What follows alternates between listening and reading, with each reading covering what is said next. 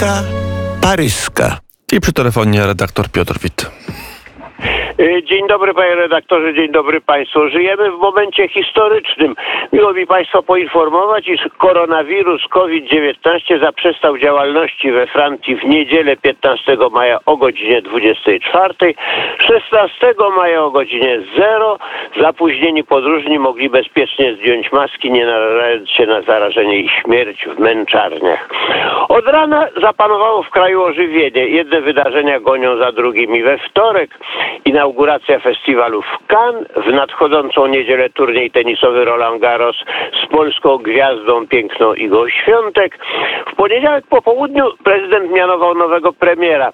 Na czele rządu stanęła na wysokich obcasach pani Elizabeth Born, skrót od Bornstein.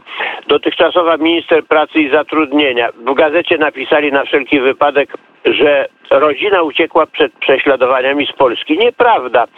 Dziadek Zelig Bornstein, polski Żyd z Łukowa, był szlifierzem brylantów w Antwerpii. Nikt go nie prześladował.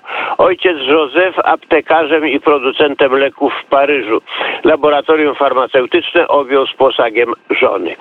Kandydatura Catherine Vautrin, poważnie brana pod uwagę przez komentatorów, nie utrzymała się. Byłej minister w rządzie Chiraca zarzucono brak postępowości w stosunku do linii politycznej rządu.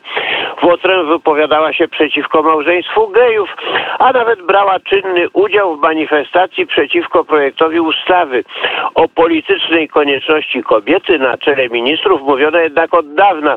François Mitterrand, kiedy już nic nie szło pod jego panowaniem, dla uspokojenia opinii publicznej mianował Edith Cresson. Kobietą premier była bez wątpienia. Do rangi wysokich funkcjonariuszy Republiki wyniosła swojego dentystę i fryzjera. Z jej działalności na czele rządu zachowało się wspomnienie nienagannej fryzury i dobrze utrafionego koloru. Ustępujący premier Jean Castex zyskał dobrą opinię wyborców, lecz przede wszystkim odszedł wśród oklasków lubiany przez współpracowników. Pani Born kobieta osobiście bardzo bogata, afiszuje się od dawna z przekonaniami lewicowymi. Z działalności rządowej jest znana jako minister twardy i nieustępliwy, jest typem technokraty i wyróżnia się niezmordowaną pracowitością. Prezydent powołał ją na czele rządu w myśl zasady, gdzie diabeł nie może, tam babę pośle. Stoją przed nią wyzwania wspólne dla Europy, ale we Francji w szczególnie groźnej wersji.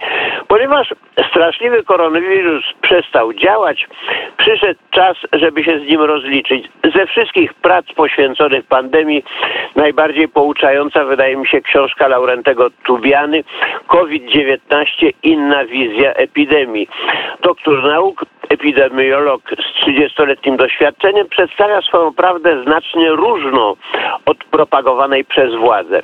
Doktor Tubiana jako dyrektor naczelny kieruje ekipą badaczy INSERM-u, to jest odpowiednik Polskiej Akademii Nauk. Systemy złożone i epidemiologia. Podczas kampanii testowej stwierdzono marginalną ilość przypadków pozytywnych, pisze, ale nawet przypadki marginalne procentowo, kiedy publikuje się je w liczbach bezwzględnych, wywołują wrażenie straszliwej epidemii. Wzmaga to ogromnie poczucie strachu, zwłaszcza wśród osób określanych jako wrażliwe. We Francji żyje 67 milionów ludzi, jest 1% zgonów rocznie, 700 tysięcy. Heca z pandemią wpłynęła być może decydująco na wynik wyborów prezydenckich. Na Macrona głosowali emeryci, grupa ludności najmocniej zdjęta strachem. Wynik pozytywny testu nie oznacza chorego, nie oznacza także, że badany jest zaraźliwy, po prostu wykazuje pewien ślad wirusa. Wynik pozytywny i choroba to są dwie rzeczy różne. To, co charakteryzuje epidemię, to są chorzy i zmarli. Kiedy przyglądamy się statystykom, widzimy, że są to wielkości śmiesznie małe. Wszystkie te wielkości, wszystkie. Książka Tubiany dostarcza danych precyzyjnych. Na podstawie statystyk, pisze uczony, możemy stwierdzić, że liczba chorych podczas różnych faz epidemii była nieporównanie mniejsza od liczby chorych w trakcie zwyczajnej epidemii grypy. Rzędu pięciu razy mniej. Inna sprawa obłożenie szpitali podczas epidemii COVID-u. Raport Publicznego Instytutu Szpitalnictwa przedstawia je jako nadzwyczaj słabe. W szpitalach Francji branej jako całość nie było nigdy przepełnienia. Gorzej, podczas kryzysu epidemii, szczytowej fazy COVID-u, zapełnienie szpitali zmniejszyło się o połowę. Jeżeli porówna się rzeczywiste dane z publikowanymi w celach propagandowych, widzi się między nimi rozdziew całkowity. Chociaż instancje sanitarne stwierdziły zanik koronawirusa C19, w szpitalach nadal panuje strach i maska obowiązuje. Doktor Tubiana nie został wpuszczony na oddział kardiologiczny, gdzie leżał jego ojciec świeżo hospitalizowany. Opinie uczonych podważające oficjalną propagandę strachu nie pozostały bezkarne. Tubiana, przyglądając się sytuacji swych kolegów Raulta, Perona, Szariera, Koma, obawia się, aby wyniki jego badań nie obróciły się przeciwko niemu. W chwili obecnej pozostaje temat jeden temat zamknięty, objęty tajemnicą wojskową czy tajemnicą stanu. Doktor Tubiano od dłuższego czasu pragnie przeprowadzić badania nad skutecznością szczepionek i napotyka duże trudności w zdobyciu podstawowych informacji.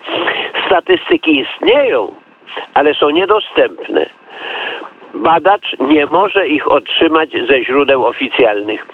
Pośród tych wszystkich historycznych wydarzeń w ubiegłą sobotę 14 maja na zaproszenie nowego ambasadora, pana Jana Rościszewskiego, uczestniliśmy y, w prezentacji Katolickiego Uniwersytetu Lubelskiego.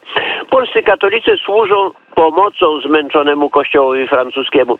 Widzi się to gołym okiem. Ilość polskich księży przy francuskich ołtarzach. Minister edukacji, pan Szarek, obecny w ambasadzie, zapowiedział wzmożenie propagandy polskiej kultury za granicą. Korzystając z okazji, wniosłem ponownie apel do władz o bardziej energiczne przeciwstawianie się akcji szkalowania naszego kraju i dezinformacji za granicą. Jeżeli chcecie poznać obraz Polski i Polaków w oczach mediów francuskich, nie musicie ruszać się z kraju. Wystarczy wam przeczytać gazetę wyborczą. My, Polacy, emigranci, ponosimy koszty tego złego wizerunku Polaka malowanego przez Grosów, Wikontów i Smolarów, popieranych przez Polską Akademię Nauk i inne instytucje powołane do obrony polskiej kultury i nauki.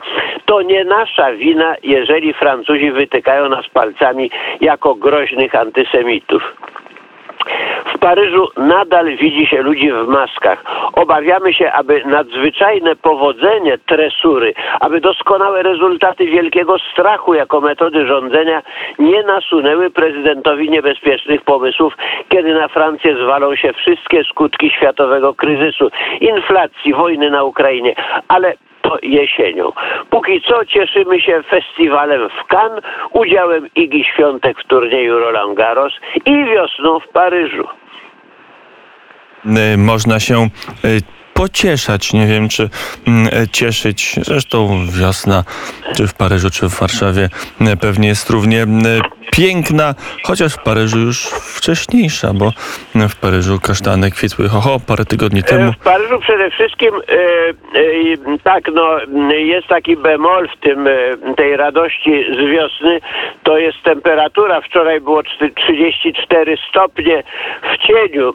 To już nie jest e, temperatura skłaniająca do wesołych uśmiechów. To już jest e, wiosna na sterydach. No, może coś się dzieje faktycznie z tą e, pogodą i o tym też kiedyś trzeba będzie porozmawiać. Redaktor Piotr Wit i Kronika Paryska za nami. Dziękuję bardzo i do usłyszenia. Do usłyszenia.